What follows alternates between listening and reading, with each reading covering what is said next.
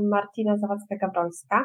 Prowadzę bloga lovelife.pl i na co dzień pomagam osobom, które są już zmęczone swoją pracą, e, znaleźć odpowiedź na bardzo ważne pytania, co tak naprawdę chcą w życiu robić e, i znaleźć zajęcie, pracę, która daje im poczucie sensu i radość. I w związku z tym narodził się cykl wywiadów właśnie tutaj na, e, w formie live'a, zarówno na Instagramie, jak i Facebooku, LinkedInie, YouTubie. Od niedawna na, na LinkedInie testuję ten, ten kanał. I zapraszam gości, których znam, częściej nie znam w ogóle, pierwszy raz ich, znaczy obserwuję ich w internecie, y, zapraszam i wydaje mi się, że działają z poczuciem misji. Wydaje mi się, bo tak naprawdę w miarę jak rozmawiamy, to wychodzi na jaw to, co oni uważają, jak oni postrzegają w ogóle tą swoją pracę, czy widzą w tym powołanie. I też udzielają rad tym, którzy szukają swojej drogi, jak to się stało, co może im się przydać tak naprawdę, na co warto zwrócić uwagę, żeby, żeby wejść na swoją drogę. I o tym będę dzisiaj rozmawiała y, z Małgosią Sokołowską, naturopatką. Małgosiu, ja powiedziałam trochę o sobie, więc chciałabym Cię o to samo poprosić, żebyś przedstawiła się naszym oglądającym. E, tak właśnie nawiązując do tego Twojego tematu, co, co chcesz w życiu robić, e, mhm. to ja takie często mam, kiedy ktoś mi pyta, e, kim ja jestem z zawodu, to ja często mam taki moment zawahania. Nie tylko ty. To ja często mam taki moment zawahania, bo z mojego pierwszego wykształcenia jestem antropologiem, a teraz pracuję jako naturopata. Zajmuję się ziołolecznictwem głównie i akupunkturą, ale też teraz zaczynamy projekt, wykładam mm, na pierwszych studiach o olejkach eterycznych w Polsce, które powstały. Więc no tak, naj, najbardziej na pierwszy plan wysuwa się ta działalność terapeutyczna, dydaktyczna, bym powiedziała. Też prowadzę warsztaty o tworzeniu kosmetyków naturalnych i aromaterapii. A i zapomniałam, zapomniałam jeszcze, że prowadzę zajęcia jogi. tak. Chciałam chciałam o to też zapytać, więc e, opis, który Ci zrobiłam, naturopata, był po prostu, był, jest, musimy go zmienić i uzupełnić o kilka, o, o kilka słów więcej tego, co teraz powiedziałaś. Bo tak jak mówisz, jednak jednym określeniem jest sposób tego wszystkiego, tego wszystkiego mhm. ugryźć, prawda? Mhm. E, znaczy, myślę, że um, takim głównym motywem to jest taka fascynacja człowiekiem i roślinami. Mhm. I z tego wszystkiego właśnie to brały się, brały się i biorą te wszystkie moje zawody, te wszystkie moje pasje. Mhm. No to bardzo ciekawe. A powiedz mi, bo tak się zastanawiałam, yy, jakie pytania Ci zadać, jak Ci zaproszę. I pierwsze, co mi tak przyszło do głowy, czy Ty chodzisz do apteki? E, Wiesz co, rzadko, bo po B12 chodzę czasami. Jak mi, się przypomni, jak mi się przypomni, to kupuję sobie B12 i suplementuję, e, bo od 24 chyba lat, czy 5 jakoś tak, e, jestem wegetarianką, więc, więc właśnie czasami sobie przypominam, żeby suplementować tą B12. Mhm. I tak, to ty. A czasami jeszcze kupuję gazę do przesadzania różnych maceratów roślinnych i tak dalej. To, to, to zakupuję. To tyle, właśnie, bo teraz jak się idzie do apteki, to są wielkie kolejki. Się zastanawiałam, czy człowiek, który leczy naturą, w ogóle zagląda, zagląda do apteki, żeby, nie wiem, żeby sprawdzić nawet, co się tam dzieje i może się coś wyposażysz. Czyli rozumiem, że B12 nie ma w ziołach. I nigdzie nie e, No, to jest B12, no to jest taki temat, to jest taki temat na bardzo długą dyskusję, to może bym to nie chciała wchodzić teraz, bo to jest naprawdę, e, to jest temat bardzo, bardzo długi i szeroki i kontrowersyjny.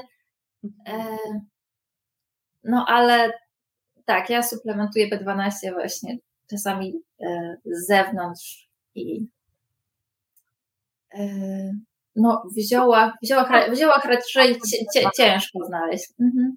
Zostawmy B12. Chciałam Cię zapytać o Twoją drogę e, tego, co robisz teraz i powiedz mi, z czego miałaś najlepsze oceny w podstawówce? W podstawówce. Mm. W podstawówce to chyba miałam z wszystkiego. Pamiętam, e, że tam miałam te czerwone paski i tak dalej. Znaczy, to też, to też mój przykład jest takim właśnie e, przykładem na to, jak, jak nasz system nauczania nie jest przystosowany do, do wszystkich, bo ja już miałam czytać, mama mnie nauczyła czytać e, jeszcze przed szkołą, więc ja umiałam czytać, pisać i robić te wszystkie rzeczy, więc ja w pierwszej klasie się strasznie nudziłam. Więc robiłam, robiłam to, robiłam te zadania moje, co tam miałam zrobić, robiłam koleżance e, z ławki, która teraz jak patrzę na to wtedy, bo wtedy jeszcze nie było tych wszystkich diagnoz, to teraz myślę, że ona była dyslektykiem na pewno. Mhm. E, więc robiłam jej, bo ona, bo ona miała z tym bardzo duże problemy i jeszcze mi zostawało dużo czasu i się nudziłam.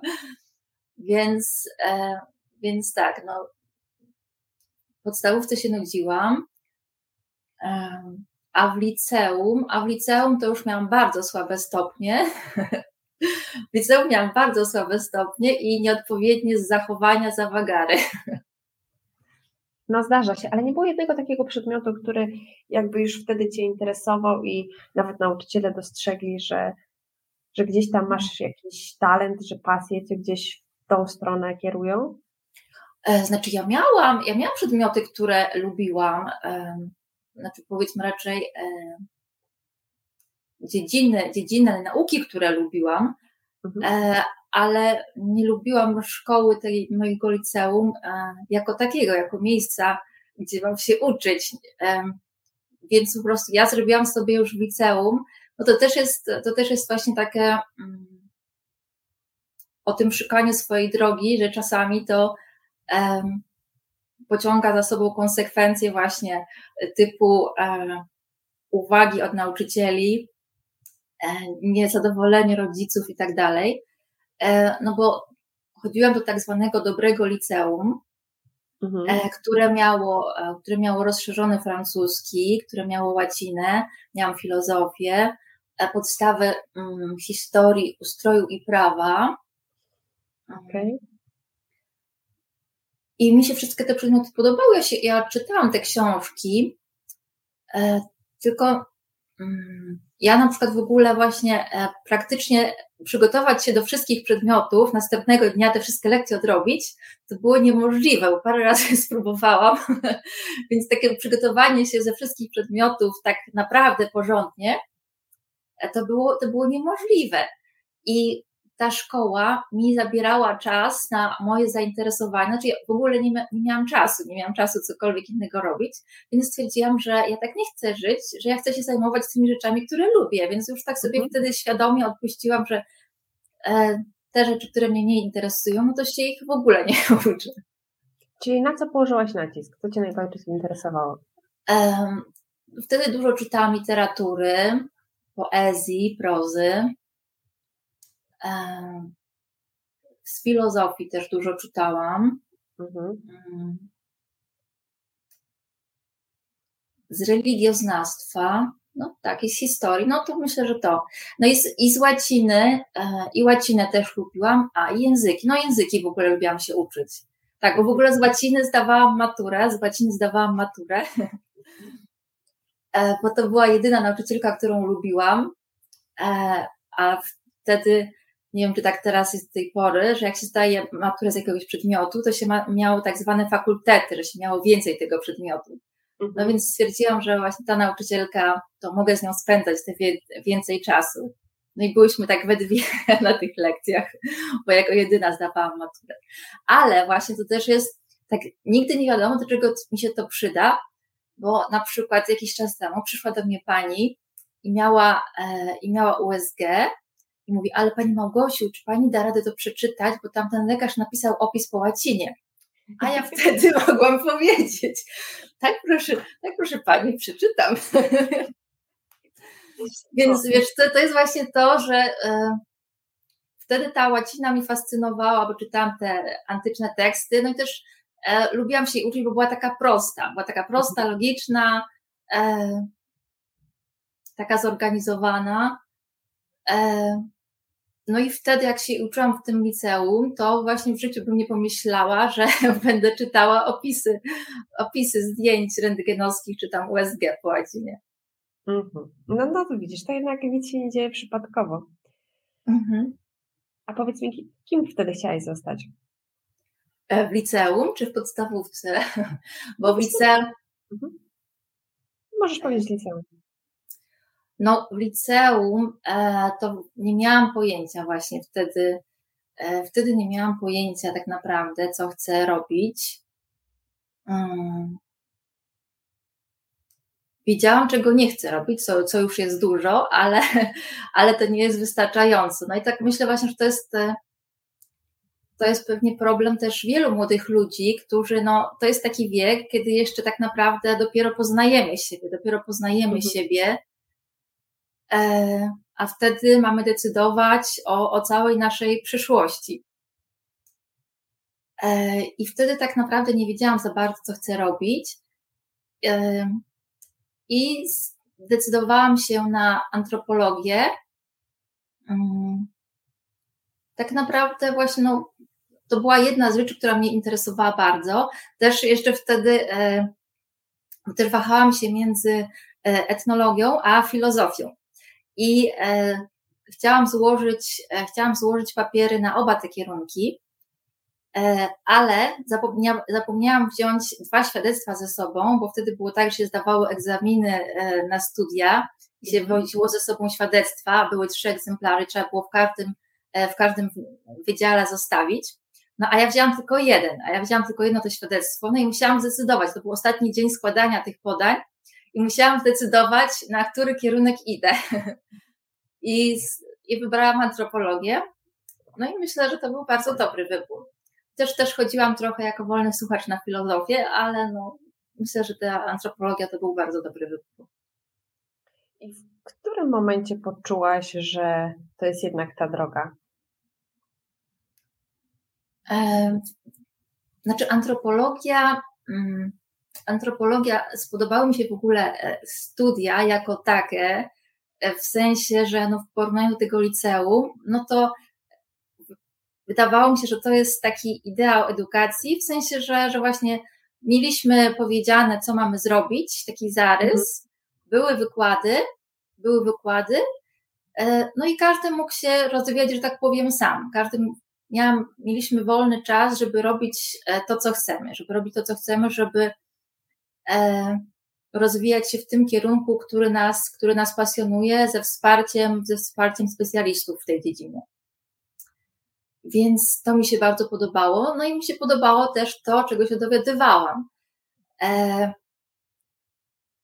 więc też antropologia jest takim połączeniem z jednej strony nauki, E, teorii, ale też to są badania terenowe, czyli też kontakt z ludźmi, więc nie jest to takie powiedzmy e, zupełnie taka nauka sucha, nazwijmy to, e, skierowana na książki. To jest też, to jest też ten taki element powiedzmy kontaktu z żywym człowiekiem, też ten mhm. element E, bycia w innych kulturach tu i teraz, doświadczania tego, no i też poniekąd stworzenia, no bo wiadomo, prawda, jak na antropologii się uczymy, kiedy jedziemy na badania terenowe, no to tak naprawdę w tym momencie już zmieniamy trochę tę kulturę, prawda, przez samo swoje pojawienie się. E, kiedy się pojawiło ta naturopatka? No to tak naprawdę wtedy już się pojawiło na studiach w sensie, e, w sensie takim potrzeby, ale wtedy jeszcze nie myślałam w ogóle, że, że będę się tym zajmować. No ale zaczęło się od tego, że, że byłam chora, myślę, tak jak wiele osób, mhm. E, że miałam bardzo duże problemy ze zdrowiem, e, to, które się zaczęły już e, wcześniej.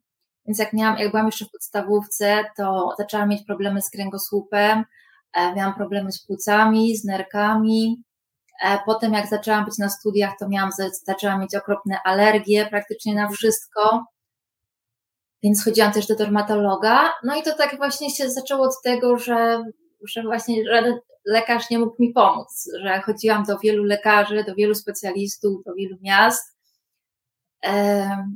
no i te leki, i te leki, i mm, terapie, mm, no niezbyt, niezbyt skutkowały. Mhm. Więc tak, e, tak naprawdę z musu, e, z musu zaczęłam szukać czegoś innego. I tak to się, i tak to się zaczęło. Jaki był pierwszy krok? E, wiesz, to pierwszy krok to był taki, e, bo wtedy, kiedy mm, wtedy na studiach na pierwszy plan wybijały się moje problemy ze skórą, moje problemy dermatologiczne, mhm. bo miałam alergię, no dosłownie na wszystko. E, I pani dermatolog, do której chodziłam, to po dwóch latach, kiedy wypróbowała na mnie wszystkie leki, wszystkie możliwe działania, no to stwierdziła, że no to już się nic z tym nie da zrobić. Mhm.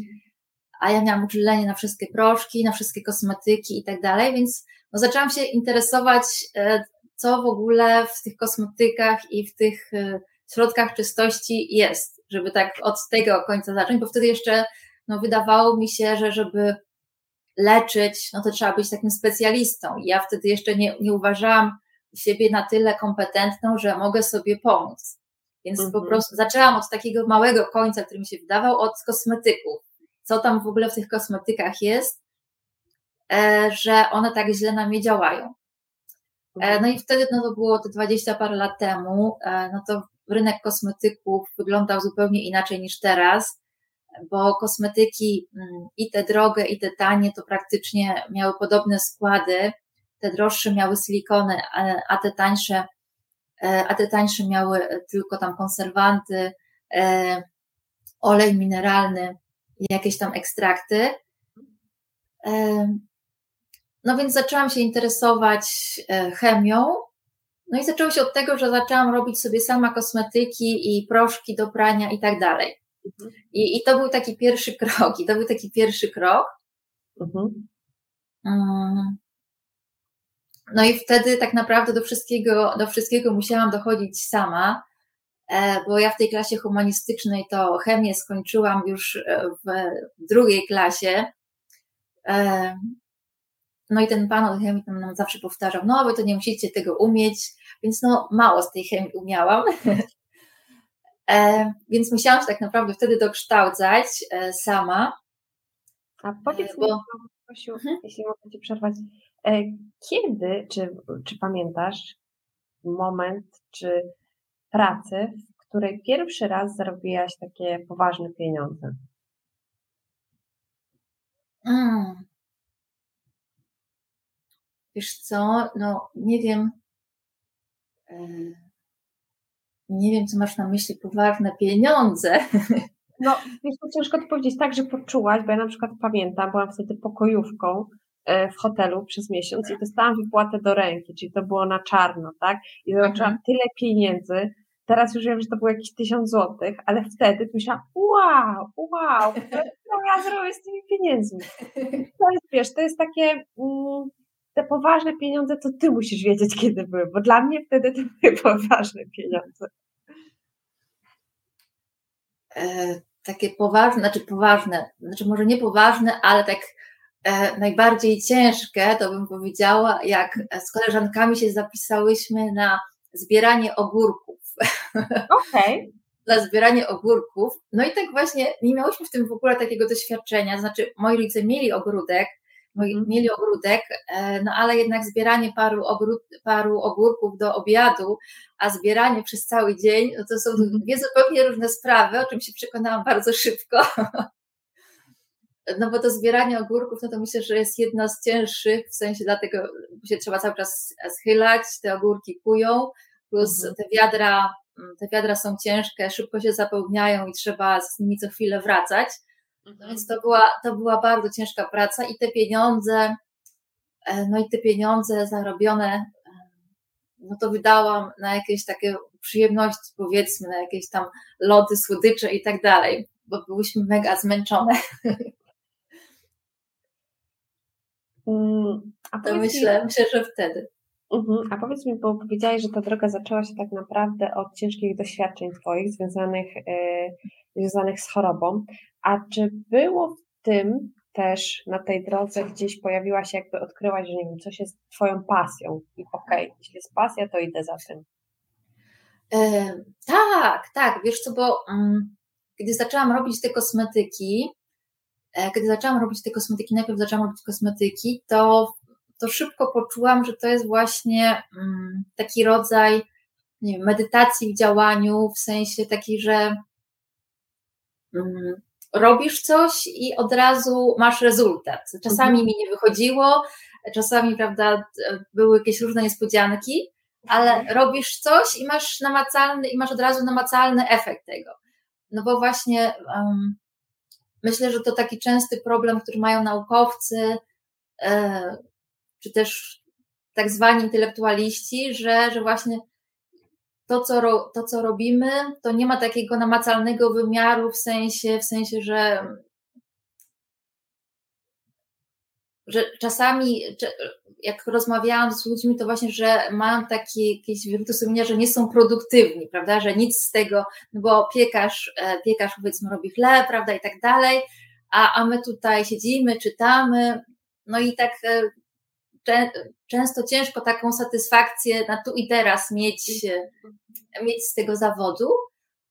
I tutaj a, a tutaj właśnie no, jest robisz coś i od razu, i od razu jest, od razu jest efekt. Mhm. Od razu jest efekt. E, więc tak, i tak taką, taką żyłkę eksperymentatora, e, że właśnie co zrobię, jak się zmiesza to, to i to.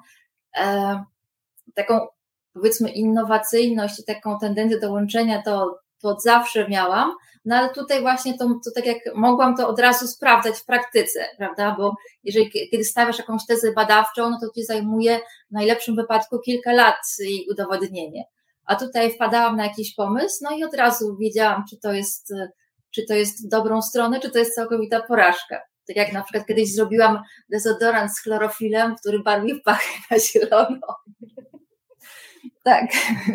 A powiedz mi, to eksperymentowanie to jest coś, co najbardziej lubisz w swojej pracy, czy są jeszcze inne aspekty? E, nie no, wiesz, teraz jak e, teraz jak e, przyjmuję osoby u siebie, to nie eksperymentuję na nich, to nie, no to to już ten aspekt eksperymentowania to minął, że tak powiem, w sensie, że eksperymentuję to, to na sobie, jeśli już e, tak, tak odkrywałam e, aromaterapię, bo wtedy właśnie eksperymentowałam na, na sobie, robiłam terapię, e, że tak powiem, e, nowatorskie na, na swoje choroby. A, a tutaj, no to robię, kiedy pracuję z innymi, no to stosuję to, co już jest sprawdzone, to, co już jest przetestowane, to, co wiem, że, że zadziała pozytywnie. Nie, tutaj już nie ma miejsca na eksperymenty. E, ale powiedz mi, co najbardziej lubisz w swojej pracy oprócz eksperymentowania?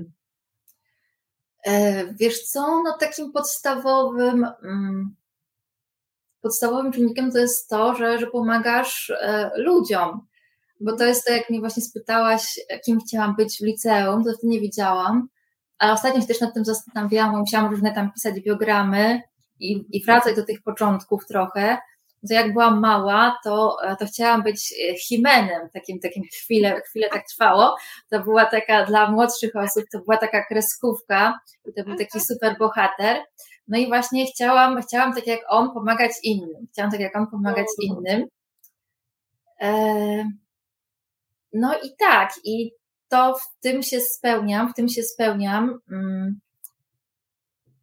Bo no tutaj właśnie e, też, prawda, kiedy mam e, te wiadomości zwrotne, że, że ludzie przychodzą i że właśnie to pomogłam im na tym i czasami właśnie to też jest zaskoczeniem, bo bardzo często szybciej niż myślałam, bardzo często szybciej niż myślałam, czasami na przykład tak o, e, badając daną osobę stwierdzałam, że to będzie trwało, no tam, nie wiem, kilka tygodni, a na przykład ta osoba do mnie dzwoni już po tygodniu i mówi, Pani Małgosiu, nie wiem jak to się stało, ale w ogóle wszystkie wszystko objawy ustąpiły i tak dalej, więc, mhm. e, więc tak, to jest, e, to jest, e, to jest to, że ludzie, ludzie dochodzą do zdrowia, do, do pełni swoich możliwości.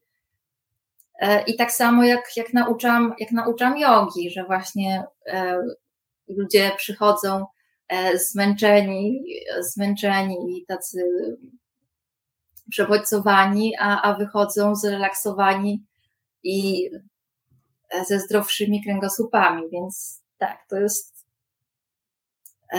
to jest to, że no, poprawa to może złe słowo, bo tak naprawdę to ja uważam, że każdy, e, każdy leczy się sam. No ale ja tak jak mówię, że ja pomagam w tym powrocie do zdrowia. Mhm. Więc to jest ta, ta moja cząstka. To piękne, co mówisz, naprawdę. A powiedz mi, czy, czy czujesz się, nie wiem, powołana do tej pracy? E, wiesz co, powołana, no to takie duże słowo, to jest takie duże słowo i Um, I kojarzy mi się z tym, że, że właśnie, że, um, że zostałam wybrana do tego.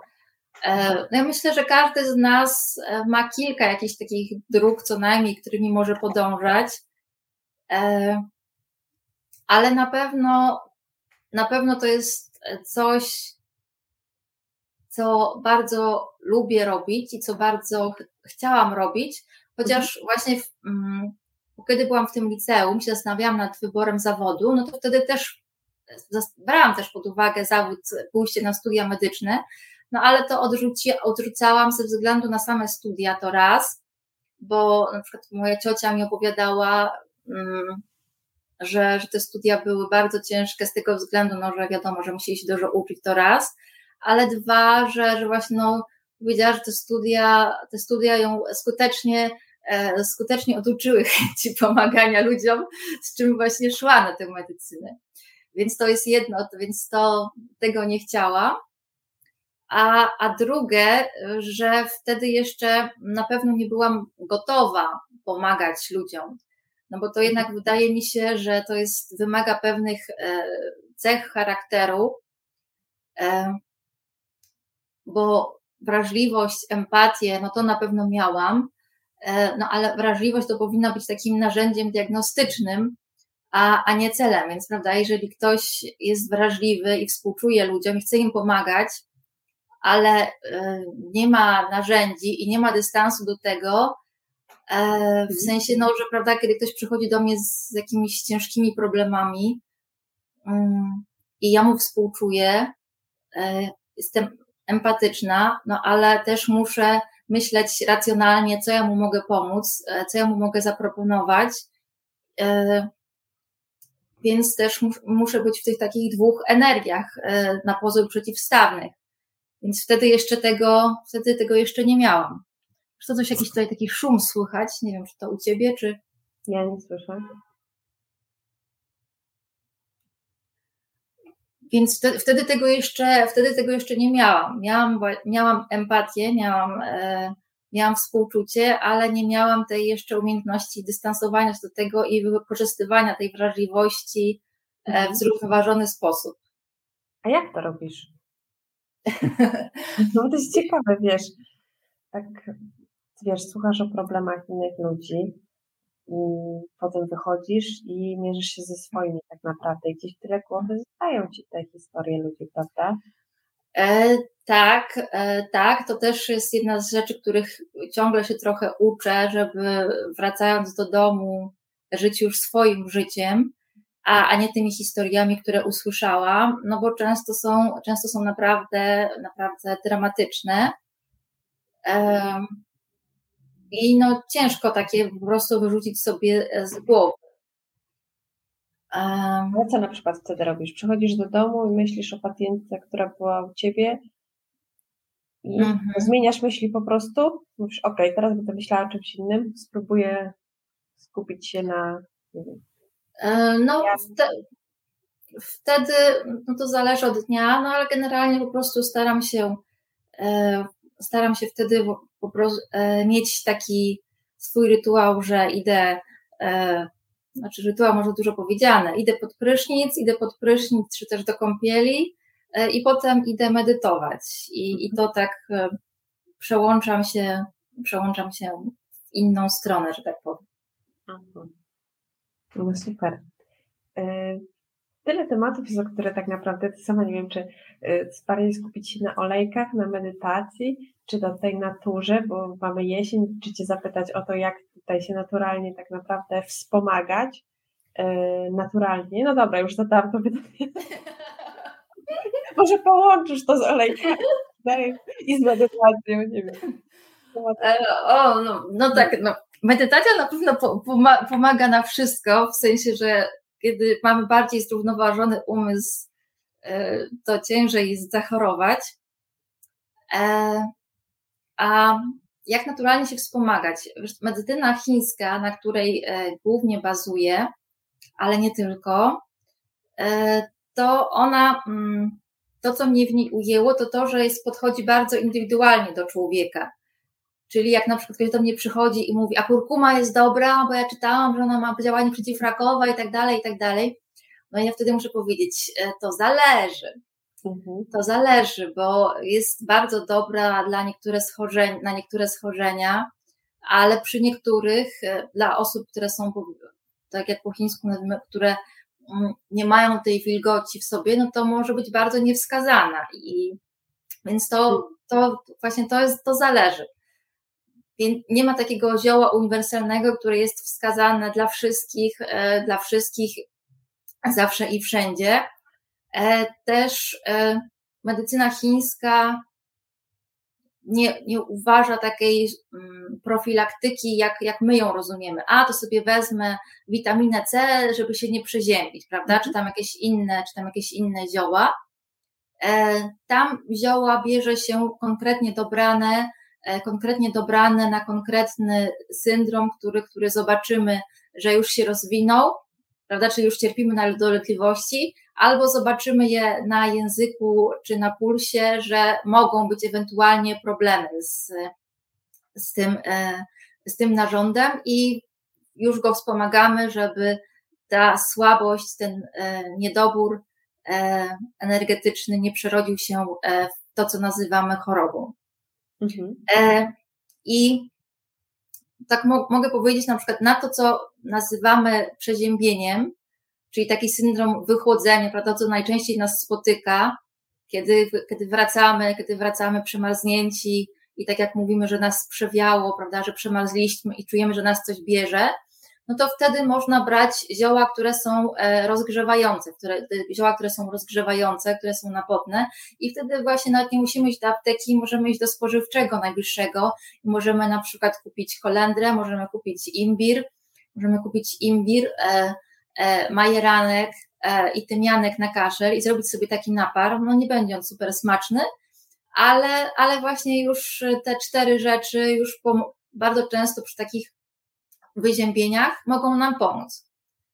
E, kiedy, e, kiedy, e, kiedy też jest mm, gorączka, no to wtedy, kiedy już jest gorączka, kiedy już ta choroba postąpiła dalej, my jej nie zwalczyliśmy i jest gorączka, no to wtedy można wziąć leki ochładzające i napotne, tak jak na przykład czarny bez, lipa i wtedy zrobić sobie taki mocny napar i, i wtedy nakryć się kotem i się wypocić i wtedy to też pomaga. Więc to takie powiedzmy na te dwa naj, najczęstsze e, syndromy, które nas teraz będą dotykać, bo, bo jesień to pora płuc e, i, i właśnie to nas najczęściej wtedy e, dotyka, więc te, te, zioła, te zioła warto kupić sobie w spożywczym.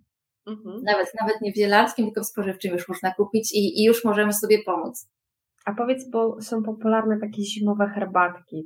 No ja nawet też uwielbiam, że gdzieś jest tam malina, miód, pomarańcz, nie wiem, cytryna. Czy to jest tylko takie marketingowo się kojarzy z jesienią i z ogrzewaniem organizmu? Czy lepiej zastąpić to czymś innym? E, wiesz co, te herbatki mają bardzo różne składy, te herbatki mają bardzo różne składy, więc ciężko mi mówić. Mhm. E, pamiętam, taka jest herbatka zimowa się nazywa, no to ona ma taki zbalansowany dosyć skład. No bo tutaj e, dążymy zawsze do, do równowagi. Wiadomo, że nie idealnej, bo, idealna równowaga, no to wtedy to już jest, to jest stan osiągalny dopiero po, po śmierci na chwilę prawda? Bo tak to cały czas te elementy się zmieniają. E, no ale tutaj ta herbatka zimowa, tam były e, zioła i tak zwane ogrzewające i ochładzające, więc, więc taka była zrównoważona. No tutaj, tak ty powiedziałaś, kiedy jest dużo pomarańczy i dużo cytrusów, mhm. no to jest niewskazane na zimę, chyba że to zrównoważymy cynamonem, czy goździkami, czy, czy imbirem, mhm. bo cytrusy wychładzają. Cytrusy wychładzają, e, no bo są, są ze strefy tropikalnej, no i tam to ochładzanie jest wskazane, no a u nas podczas jesieni, no niekoniecznie. Mhm. E, tak. więc, e, więc cytrusy, cytrusy w umiarkowanych ilościach, w umiarkowanych ilościach, a na pewno nie wtedy, kiedy zaczyna, zaczyna się nam przeziębienie, czy też grypa. To ciekawe. Bo właśnie dzisiaj kupiłam sobie dwa pomarańcze z myślą o, o jesieni i pierwszych tematach zimowych, a tu się okazuje, że... Dodaj, dodaj goździka. Tak, dodaj, tak, goździki, dodaj goździki, cynamon albo imbir i, i będzie dobrze. I będzie dobrze. E, to fantastycznie. Powiedz mi Małgosiu na koniec, e, czy masz jakiś ulubiony cytat, który Cię prowadzi? O, wiesz co, tych cytatów to mam sporo, bo bardzo dużo, bardzo dużo czytałam. I wiem, I czytam, i czytam, i, czy, i czytam teraz, a czytam takie powiedzmy branżowe cały czas, bo to, to, też, to też mi się podoba, że cały czas e, się dowiaduję czegoś nowego. E, wiesz co, dziś, dzisiaj czytałam taką książkę o, o jodze i tutaj, poczekajcie, często jedyną rzeczą, która nas powstrzymuje od godnego podziwu życia jest gadulstwo naszych umysłów, które ciągle nam się naprzykrzają nieaktualnymi już wątpliwościami i rozpaczą. To tak dzisiaj przeczytałam z książki Ayengara Yoga Światłem Życia, a tak e, przez życie, no to myślę, że Bhagavad Gita należy działać przez przywiązywania się do owoców swojej pracy, działając wolnym od pragnienia. To myślę, że hmm. to to, kiedy przeczytałam na studiach, e, kiedy studiowałam indologię, to, to od tamtego czasu próbuję. Wiadomo, że nie zawsze wychodzi, często nie wychodzi, ale tak, to jest taki ideał. E, Powtórzysz jeszcze raz? Należy działać bez owoców. Bez przywiązywania się do owoców swojej pracy, działając wolnym od pragnienia. Hmm. Czyli, Czyli chodzi... robić? Nie, nie. Robisz wszystko jak najlepiej, robisz wszystko jak najlepiej potrafisz, mhm. E, ale nie przywiązując, nie przywiązując się do owoców tego działania. Robisz to, to, co umiesz, tak jak najlepiej umiesz, e, dajesz z siebie 100%, e, ale jaki będzie tego efekt, no to nie masz już tak naprawdę na to mhm. wpływu, no bo wiadomo, że na efekt naszych działań, no to składa się bardzo wiele czynników, a na tych wiele czynników nie mamy wpływu, prawda? Mhm. E, tak, tak, tak, tak. To, to więc, ciekawego. E, więc no, robimy to, co możemy, a odsuwamy od siebie tę myśl o, e, o gratyfikacji, prawda? O, o tym, jakie to przyniesie efekty. Po prostu, e, po prostu działamy to coś, co właśnie ciekawe, że właśnie o tym mówisz, bo trochę przed naszym spotkaniem zastanawiałam się właśnie, podeszłam od strony analitycznych do pewnych rzeczy, co działają, tak mówię, ojeny, ojeny, tu się poddać, tu działać, tu się poddać, tu działać. Więc cytat, który mówisz, myślę, że nie wiem, nie wiem jeszcze, czy wezmę do serca, ale się zastanowię nad nim i wezmę dla siebie kawałek y, z niego. Powiedz, y, Małgosiu, czego Ci życzyć na tą jesień?